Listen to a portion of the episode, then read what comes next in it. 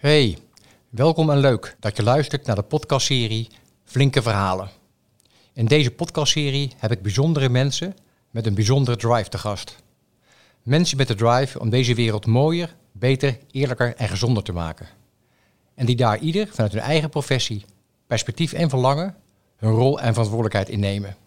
Mensen die met hun visie en praktijk een positieve invloed hebben op verandering. Wij gaan op zoek naar die verhalen die veranderingen succesvol maken. En dan specifiek in de zorgsector, waarin deze actualiteit veel dynamiek is. Mijn naam is Barry Popma van Flink Veranderen.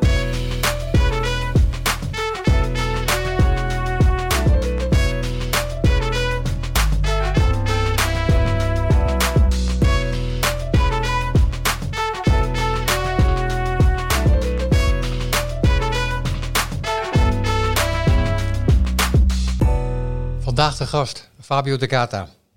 Hey Fabio. Hallo. Fijn dat je er bent en uh, nou, laat me je even introduceren. Uh, je bent oprichter van het bedrijf Spat Veranderd en auteur van het boek Intelligent Bewegen.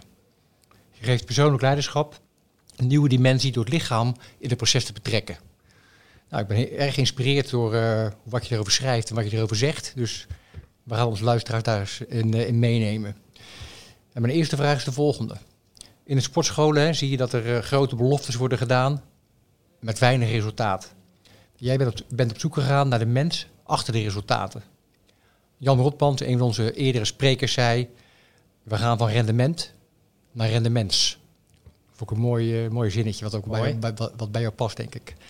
Wat, wat motiveert jou om hier zoveel onderzoek naar te doen?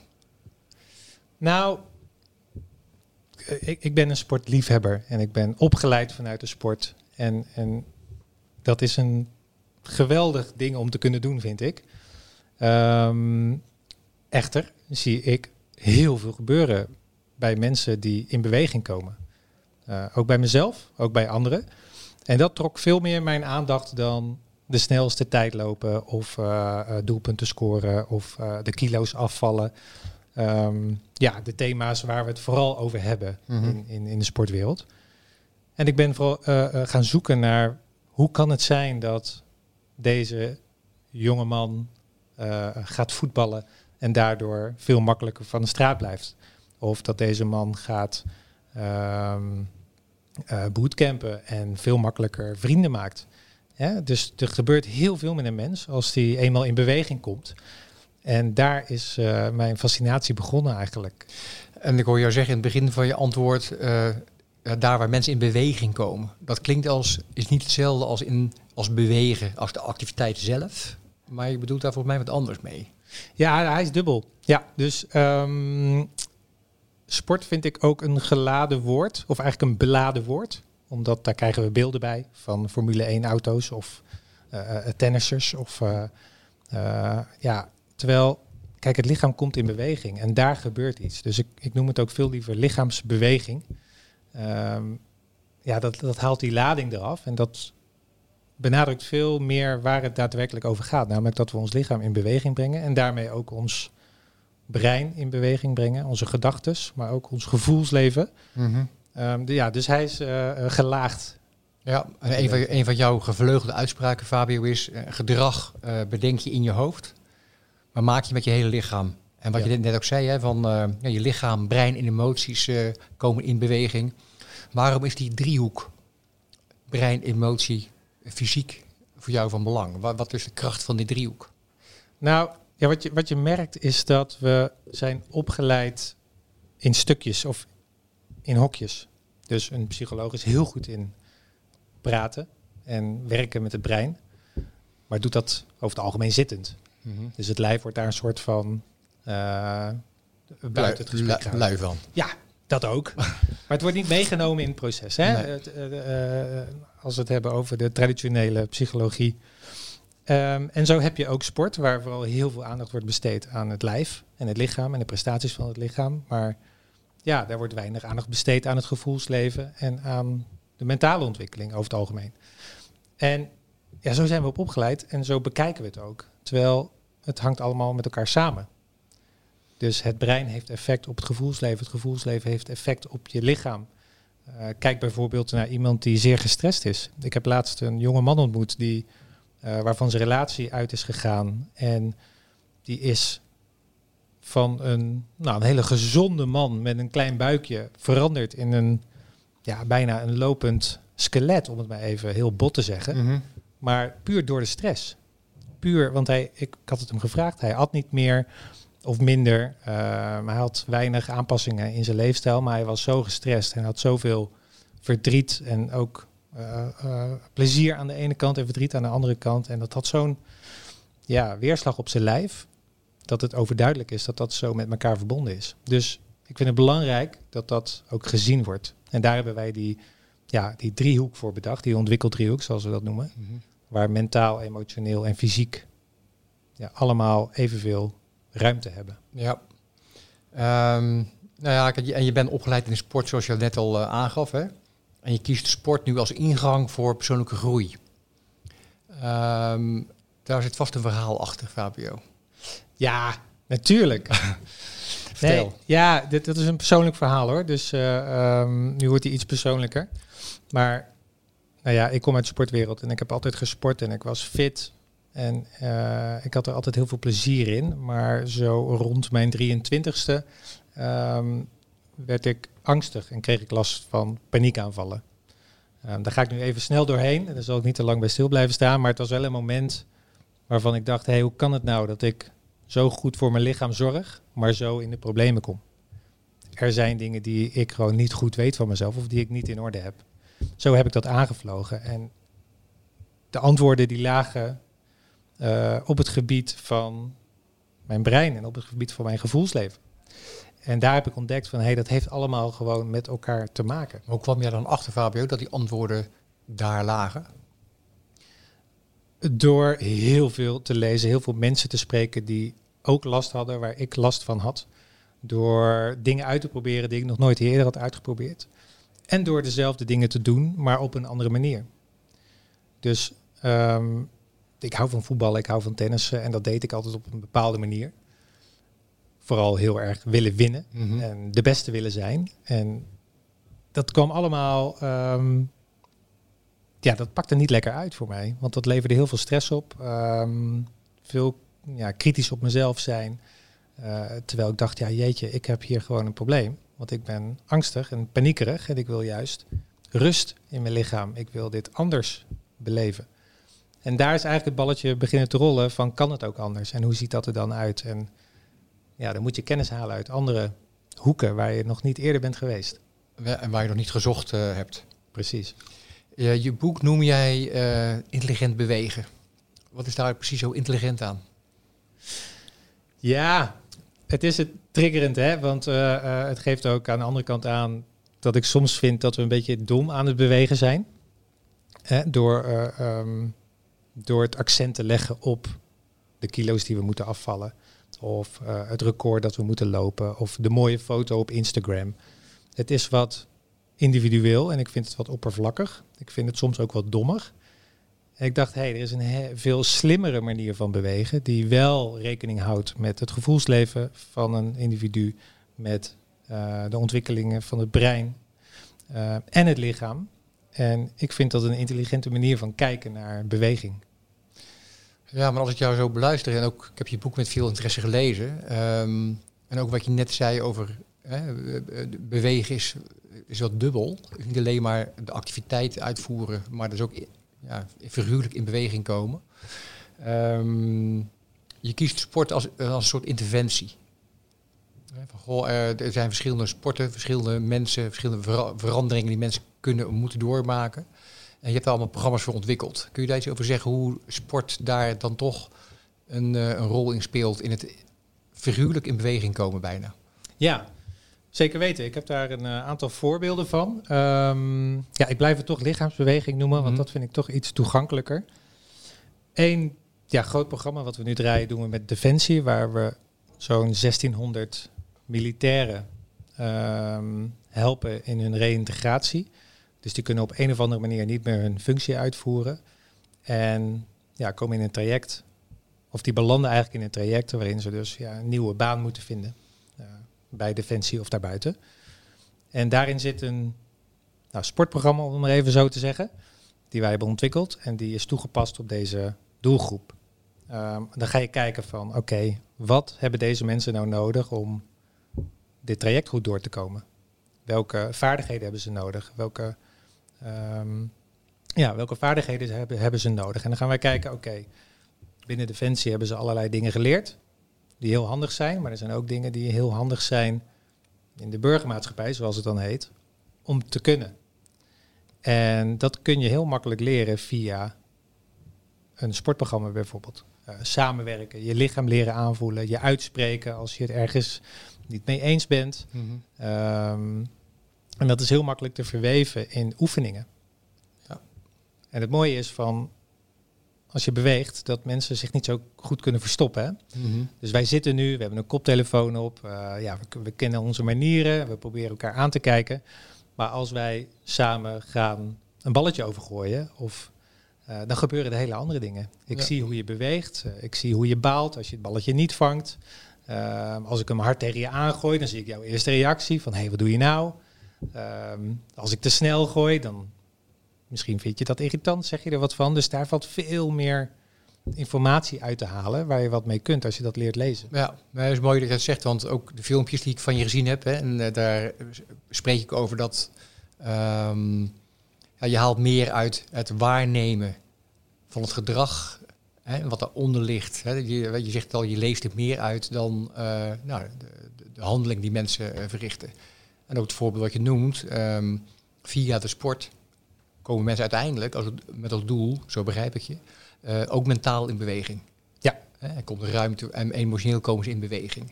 En dan heb je de driehoek van verandering, van ontwikkeling, zoals jij, hem noemt, eh, heb je hem mooi rond. Ehm, nou, als we nu een, een sprongje zouden kunnen maken naar de actualiteit. Hè? We, we zitten midden in de corona-tijdperkcrisis, hoe je het ook eh, noemen wilt. Ehm, nou, ook met, met andere sprekers heb ik erover gesproken. Van, goh, wat vraagt deze tijd eigenlijk van ons? En nou, je hebt het over het ontwikkelen, ontwikkelen van vaardigheden. Waar, eh, wat valt jou op? Als, waar hebben mensen behoefte aan? Welke vaardigheden zouden we moeten ontwikkelen? Ja, ik vind het een hele mooie vraag hoor. En, en ik heb er natuurlijk even over nagedacht. En wat mij opvalt in alle facetten is dat wij als mens heel erg kwetsbaar zijn. Dit is een kleine bacterie, een kleine virus die ons wereldwijd aanvalt eigenlijk. En wij moeten vol in, in verandering om dit aan te kunnen. Ehm, en dat zegt iets over onze mensen, dat we goed moeten zorgen. In eerste instantie voor ons eigen lichaam. Want ja, als je eens goed gaat kijken naar wie nu kwetsbaar is of wie hard wordt geraakt, dan zijn dat eh, ja, mannen, veel met overgewicht, oudere mensen, mensen die gerookt hebben. Dus ehm, het is duidelijk dat de mensen die niet goed, goed voor hun lijf hebben gezorgd, of wat ouder zijn, ja, die zijn kwetsbaar. En dat vind ik gewoon een signaal weer van naar de mensen überhaupt. Van ja, eh, zorg zo goed mogelijk voor jezelf en voor elkaar. Want dat is eigenlijk ook iets wat me heel erg opvalt. Eh, dat we nu heel goed voor elkaar moeten zorgen. Maar dat we eigenlijk natuurlijk altijd al moeten doen. Ja, dat is niet nieuw, Dat is niet nieuw. maar het wordt even duidelijk gemaakt nog een keer van het belang daarvan. Absoluut. Ja, en, eh, van, eh, van zelfredzaamheid naar samenredzaamheid. Je hebt, Dat je, heb hebt, je mooi het- gezegd. je hebt het met elkaar, eh, met elkaar te doen. Ja, Ik las ook in je boeken, Fabio, dat ehm, ehm, nou ja, de inzichten die je krijgt door intelligent bewegen, dat het voor impact zorgt. Ehm, ik, ik kan me er alles bij voorstellen als je de verhalen vertelt van hè, de, persoonlijke verhalen van je, over jezelf en van de, de mensen met wie, je, met wie je en voor wie je werkt. Ehm, wat voor soort impact eh, eh, streef je na? Want eh, jij, jij werkt met individuen, met groepen. Ehm, waar, wanneer, wanneer ben jij tevreden? Wat, wat, wat zou het resultaat moeten zijn van al je werk? Welke, welke impact wil jij maken? Ja, mooie vraag. Ik vind het belangrijk dat mensen hun verandering kunnen doormaken die ze graag willen. Dat ze de groei kunnen maken die ze graag willen. En die kan heel individueel zijn of voor een groep kan dat zijn. Ehm, en als we daarin ons, ons lichaam meenemen, gewoon ons hele lichaam, dan wordt het een heel menselijk proces. Waarin je jezelf beter leert kennen via je lichaam maar ook anderen. En als je het wat groter bekijkt, dan eh, vind ik het ontmenselijke wat een beetje aan de gang was. Mhm. eh, dat dit is een tegengeluid van word juist menselijker. Leer je lichaam kennen, leer jezelf beter kennen en daarmee ook de ander. Ja, Kijk, wij kunnen 24 uur praten, maar als ik een uurtje met jou ga scorsen, dan heb ik volgens mij het gevoel dat ik jou veel beter leer kennen. We hebben Ja. bewogen, we hebben gelachen, we hebben elkaar een schouderduw gegeven. Mhm. Ehm, dus via beweging gaat die verbinding ook veel makkelijker. ja. En in die zin hè, eh, ook luisteren naar je lichaam, voelen. Ja. Ehm, en ik hoorde ook elders een keer zeggen, nou, doordat je beter luistert naar je lichaam, doordat je meer voelt, eh, worden mensen ook milder. Dat is wel mijn ervaring. Kun je dat zo Ja. over zeggen, hoe dat, eh, hoe dat uitwerkt? Hoe je vanuit voelen en ervaring met je lichaam, dat het leidt tot mildheid in, in je gedrag en je benadering naar anderen? Ja, dan heb je het eigenlijk over ehm, ja, je kritische zelf. Kritisch zijn naar jezelf, kritisch zijn naar anderen. En dat gaat makkelijk als je niet luistert naar je gevoel. En je- brein kan makkelijk gevoel overrulen. Je brein is zo sterk. Het brein van ons mensen is extreem sterk. En die kan alles overrulen als hij wilt, voor een hele lange tijd. Ehm, maar als je eerlijk kijkt naar hoe je je voelt, eh, als je momenten kunt pakken dat je geraakt wordt, ehm, als je voelt wanneer je ja, liefde voelt bijvoorbeeld, ja, dat zijn allemaal dingen die, die moet je eerst leren voelen om uiteindelijk eh, dat te kunnen uitdragen en verbinding te kunnen maken met een ander. En ja, daarvoor, daar heb je wel je lichaam voor nodig. Hey, en hoe doen jullie dat dan bij SPAT? Want ehm, je kunt natuurlijk zeggen tegen elkaar, goh, voel, eh, erken je emotie, heb, heb er contact mee. Ehm, maar dat is niet iedereen zomaar gegeven. Nee. En ik weet van je dat, ehm, dat je een breed palet aan expertises in je bedrijf hebt. Hè, mensen met, vanuit de neuropsychologie. Nou, je, je- schakelt mooie vakgebieden aan. Eh, dat doe je niet voor niets. Nee. Eh, om die, eh, die expertises aan te schakelen. Ehm, wat brengt de psychologie en de neuropsychologie ook in dat soort, dit soort programma's? Nou ja, waar ik achter kom, ik kom natuurlijk uit, echt uit de beweegwereld en de sportwereld. En ik weet de spieren in het Latijn. Ik weet heel veel van het lijf. Maar ik kom er gewoon achter, vrij snel kwam ik erachter dat ik niet zoveel wist van het brein. Die expertise die heb ik erbij gehaald. Want ik wil weten hoe dat zit, hoe dat werkt. Wat gebeurt er in je brein als je gaat wandelen, bijvoorbeeld? Dat, dat Mhm. is magisch. Wat er gebeurt is dat je eh, eh, de kritische kant van jezelf, dat dat afneemt. Dat daar minder activiteit is. En dat je creativiteit veel meer de ruimte krijgt in je brein. Dus mensen die zeggen, ik ga een stukje wandelen en ik kom op briljante ideeën. Ja, zeg je logisch. dan zeg ik, ja, dat weet ik inmiddels hoe dat werkt. Ja.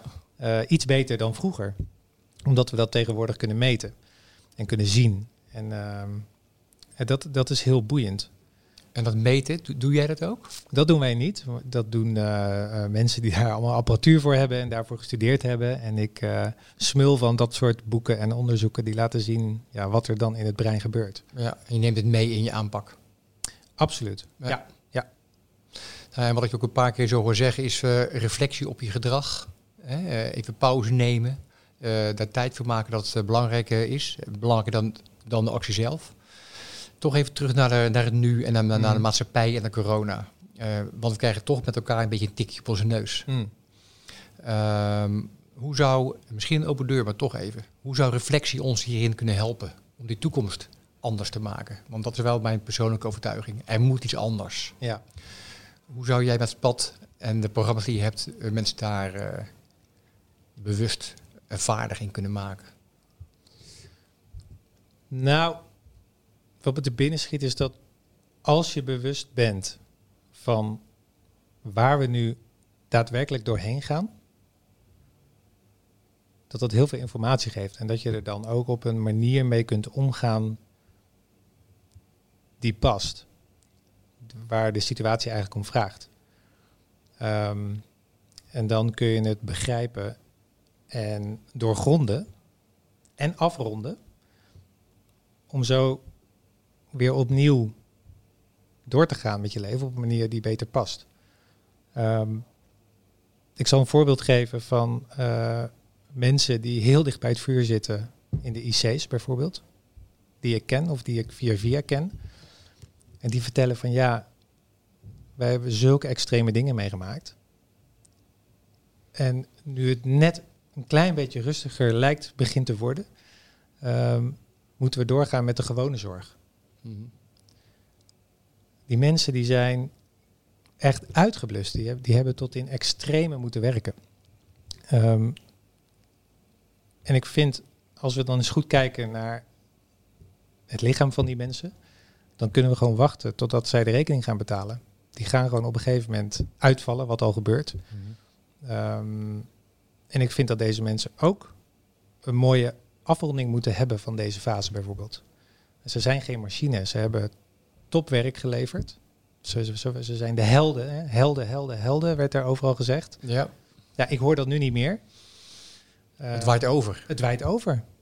En ehm, ja, mensen zijn wel veel makkelijker in die anderhalve meter. En eh, terwijl, ja, ik vind in dit specifieke voorbeeld dat, dat deze mensen nog steeds helden zijn natuurlijk. Maar ook dat ze verdienen om goede begeleiding hierin te krijgen. Dat ze dit in hun lichaam kunnen voelen, want die hebben eigenlijk alleen maar overleefd. Eh, en dat ze daar ook closure in vinden, Mhm. zodat ze weer door kunnen. Op een manier die, die past en die, eh, ja, die ook gevraagd wordt.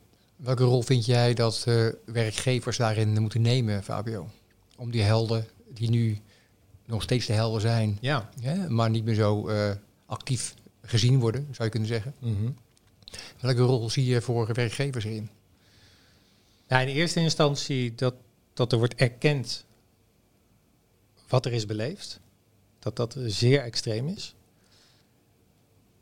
En dat het wordt uitgesproken. Dat er ehm, begeleiding wordt gefaciliteerd voor deze mensen. Zie je dat terug in de praktijk, Fabio, dat dat gebeurt?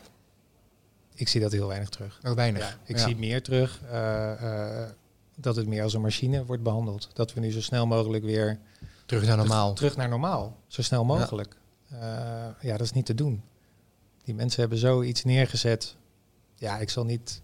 Ik weet niet eens hoe heftig dat zou geweest moeten zijn. Ehm, maar ik vind die begeleiding gewoon heel belangrijk. Want zij moeten dit nog zo lang doen. Vind je gehoor hierin eh, bij, eh, bij de werkgevers om dat appel van verantwoordelijkheid voor, ja, om die te nemen en mensen daarin te laten ondersteunen? Voor zover ik dat kan inschatten, zit daar heel veel verschil in. Ik, ik kom werkgevers tegen die vol meeschakelen. Hier alles aan willen doen om hun medewerkers te faciliteren, te helpen om hier doorheen te komen. Om te leren, om te reflecteren. Kun je daar een voorbeeld van geven van, uit je praktijk? Wat die werkgevers dan doen of welk aanbod medewerkers dan krijgen om hier om dat te closen, om zo maar te zeggen? Ja, nou ja, ik, ik heb niet zoveel voorbeelden, moet ik zeggen. Het is wel het gesprek wat ik veel voer. Ehm, ik moet even denken aan een onderzoek wat we nu aan het doen zijn bij het UMC, bij eh, ernstig psychiatrische eh, patiënten, die ook met corona dan ergens zitten waar ze zich verschrikkelijk voelen. Dan hebben we het echt over eh, schizofrenie en eh, psychoses en mensen die helemaal niet snappen wat er nu aan de hand is. En die proberen we te faciliteren via online beweegtrainingen. Eh, we onderzoeken ook wat het effect daarvan is. En dan denk ik, ja, daar hebben ze wel begrepen dat we in ieder geval iets moeten doen voor die mensen. En dan hebben we ook nog het geluk dat het goed wordt onderzocht. Ehm, eh, maar dan ben je nog helemaal niet bij, ja, echt bij closure of bij die begeleiding. Uh, wij hebben bijvoorbeeld video's gemaakt met het bedrijf, of met mijn bedrijf Spat, uh, om mensen dichter bij hun lichaam te brengen, om te voelen, veel meer mindfulness bezig te zijn met beweging. En dat wordt ook ja, moeilijk afgenomen, merk ik, omdat mensen de hand op de knip hebben, uh, ja, toch huiverig zijn uh, voor de toekomst. Terwijl ja, volgens mij dit het moment is om juist daar wel aandacht aan te besteden. Ja, en dat er ruimte voor zou moeten kunnen dan wel mogen Ja. zijn. Ja. Ja. Um, hoe hoopvol ben je, Fabio, dat, um, nou ja, dat we met z'n allen de kanteling kunnen maken naar intelligent bewegen? Nou, ja. Nee, het, is, het, is, het is maar net hoe iemand dat uh, begrijpt en ook daarmee mee wil doen natuurlijk, met die beweging. Maar um, nee, ik kom mensen tegen die hiervan gecharmeerd zijn en hier wat mee willen doen. Um, het is wel vrij nieuw, dus ja, ik moet de koplopers hebben die hierin geloven, die hierin ja, in door willen. Ik nodig die mensen ook uit om vooral contact op te nemen. En ik denk hier heel graag over mee. Want het is echt tijd dat we ja, menselijker worden in ons werk. Dat we dat goed begeleiden. En, uh, ja, als ik daar een, uh, een persoonlijke noot aan mag toevoegen, Fabio. Kijk, um, kijk, jij bent een bevlogen mens.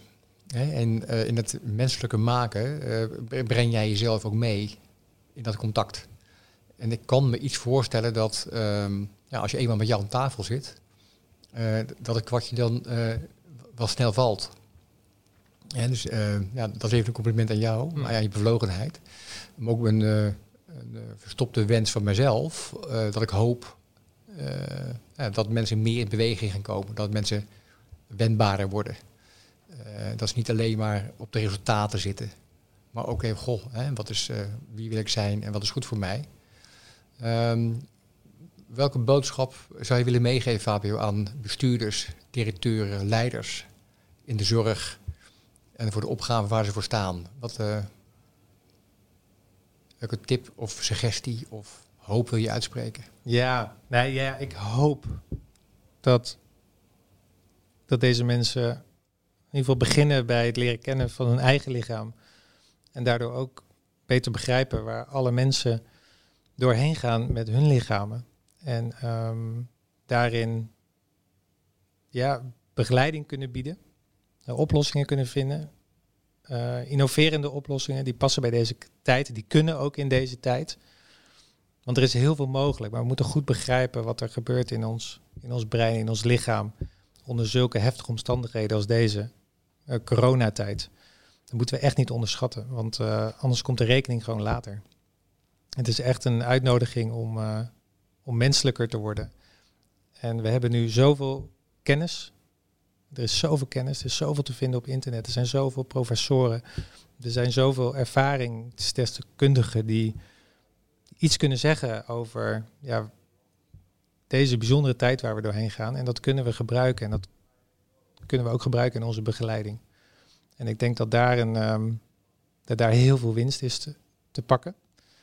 Um, ik vind dat het een enorm verschil is tussen allerlei werkgevers die het allemaal anders aanpakken. Maar uh, als je ervoor open staat, dan, um, dan is er heel veel mogelijk. En dan kun je dit heel goed be begeleiden en zorgen dat we samen een verandering doormaken die, ja, die past bij, bij deze tijd.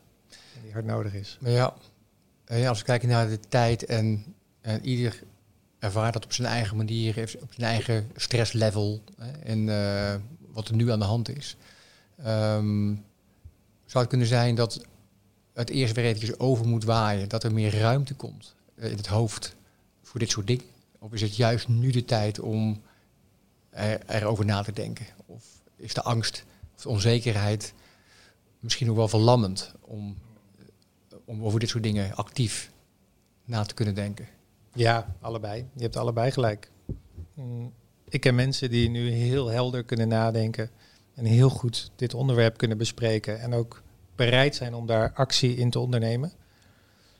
Uh, ik ken ook mensen die, die lamgeslagen zijn, gestrest, zich zorgen maken over de toekomst. En dan is het beter misschien dat het eerst even overwaait, zodat ze weer ruimte krijgen om goed na te denken. Maar ik zoek vooral naar de mensen die nu al. Ja, naar de koplopers, hè? Ja. Hoe zien die eruit, die koplopers? Ja. Hoe, hoe pik je ze eruit? Zo, dat vind ik een goede vraag zeg. Ja, daar, hebben we, ja, daar moet je op een gegeven moment wel een soort van uh, antenne voor uh, ontwikkelen. Om die eruit te pakken. Maar vooral wel veel het gesprek aangaan, veel de verbinding maken. En dan komen ze echt wel bovendrijven. En als je ze helemaal te pakken hebt, dan, uh, dan heb je ze laat ook. niet meer los. nou ja, en even, toch even terug ook naar het, het begin van dit gesprek. Hè, ja. Waarin je ook zei dat kijk, antwoorden komen vanuit beweging. Ja, dus je hoopt ook dat, eh, dat mensen ook in beweging, in beweging blijven. Ja. Omdat beweging tot verandering zorgt. En natuurlijk moet je af en toe even stilstaan. Even ref- reflecteren op, het- op wat is. Maar vervolgens ook wel weer die, niet alleen fysieke, maar ook mentale lenigheid eh, hebben om, eh, om te blijven bewegen. Ja. Nou Fabio, ik wil je graag bedanken voor dit mooie en waardevolle gesprek. ja, heel graag gedaan. En voor de luisteraars, de gast in onze volgende podcast, Venna Heining. Internist, hematoloog en directeur van de Vereniging van Top Klinische Ziekenhuizen. Met een passie voor geneeskunst en e-health innovaties. Tot dan.